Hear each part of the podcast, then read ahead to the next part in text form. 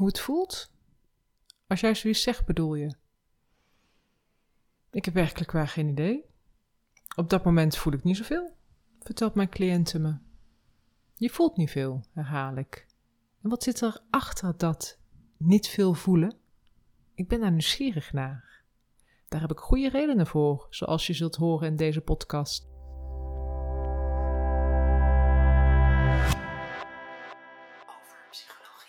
Hallo, ik ben Mirella Brok, relatietherapeut en schrijfster. En je luistert naar mijn podcast Hoe te verbinden vanuit emoties. Van overpsychologie.nl. Over psychologie.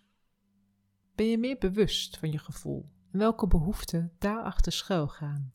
Want dan begrijp je jezelf een stukje beter. En daarna ontstaat er meer verbinding met jezelf. De volgende stap is te spreken vanuit emoties, wat weer verbinding geeft met anderen. Maar het gaat eerst om een goed begrip over wat er bij jezelf gebeurt. Focus op je eigen emoties, zodat je kunt verbinden vanuit emoties. Over psychologie. Aan de slag dus. Meer focus op je emoties. Dat gaat stap voor stap. Met iedere stap ga je steeds meer de diepte in. Zoals de vrouw in het voorbeeld aan het begin van de podcast. Laten we haar Yuriko noemen. Voor haar is het diepte ingaan vooral in het begin van ons gesprek een spannend avontuur. En dat geldt voor meer mensen. Daarom is het fijn om tijdens deze oefening opmerkzaam te blijven. Opmerkzaam zijn doe je het beste zonder oordeel, maar met nieuwsgierigheid. Over psychologie. Hoe kun je verbinden vanuit emoties? Stap 1. Merk je emotie op. Stap 2. Stel jezelf vijf keer de vraag: en wat zit er achter die emotie? Stap 3. Bevraag jezelf of deze emotie past bij de gebeurtenis. Over psychologie. Ik denk dat ik dan leeg ben. Volgens mij denk ik dan ook helemaal niks. Gaat Yuriko verder. Wat zit er achter die leegte, is wederom mijn vervolgvraag. Dan denk ik dat ik doodsbang ben, antwoordt Judico. Hoewel opmerkzaamheid oordeelloos is, vind ik dat doodsbang wel wat empathie verdient. En dus zeg ik zachtjes: Jeetje, doodsbang. Ik leg de klemtoon op het eerste woord, om daarna door te gaan met dezelfde vraag. Wat zit er achter die doodangst? Gek eigenlijk, vervolgt Juriko. Hij is niet echt eng op dat moment. Normaal zal ik voor de vierde keer de vraag stellen, maar Juriko vertelt al verder. Toch ben ik verstijfd van de angst, tot het moment dat ik wegloop tenminste. Ik kom er daarna nooit meer op terug. Nu ik erover nadenk, geloof ik niet dat hij weet dat het me zo raakt. Hij noemt me op die momenten meestal koud, terwijl ik echt van mijn stuk ben. Over psychologie. Stap 4. Vraag jezelf af welke behoeften er achter deze emoties schuilgaan. Stap 5. Kies gedrag dat je behoefte meest waarschijnlijk helpt te bevredigen. Judiko merkt op dat haar angst eigenlijk bevestiging nodig heeft. Doordat ze wegloopt, zal ze echter de broodnodige bevestiging ook mislopen. Sterker nog, haar emoties worden verkeerd uitgelegd. Hoewel het geen garantie geeft op begrip, wil Yuriko ander gedrag gaan uitproberen.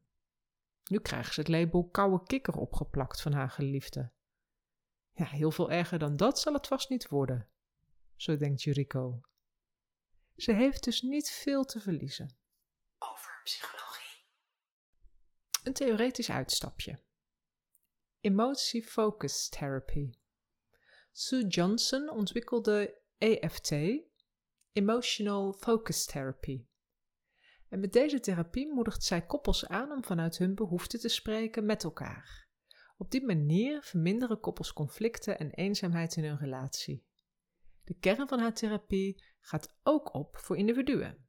Sterker nog, Johnson heeft zich laten inspireren door EFT, Emotion Focused Therapy, die door Greenberg werd ontwikkeld.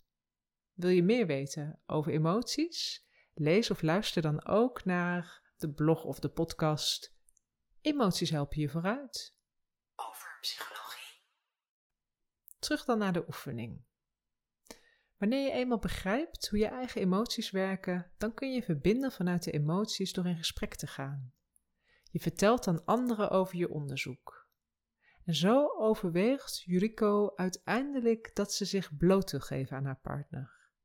Na een uur bedenkt Yuriko dat ze misschien onderstaande kan uitspreken aan haar partner. Weet je nog dat ik gisteren wegliep tijdens onze discussie?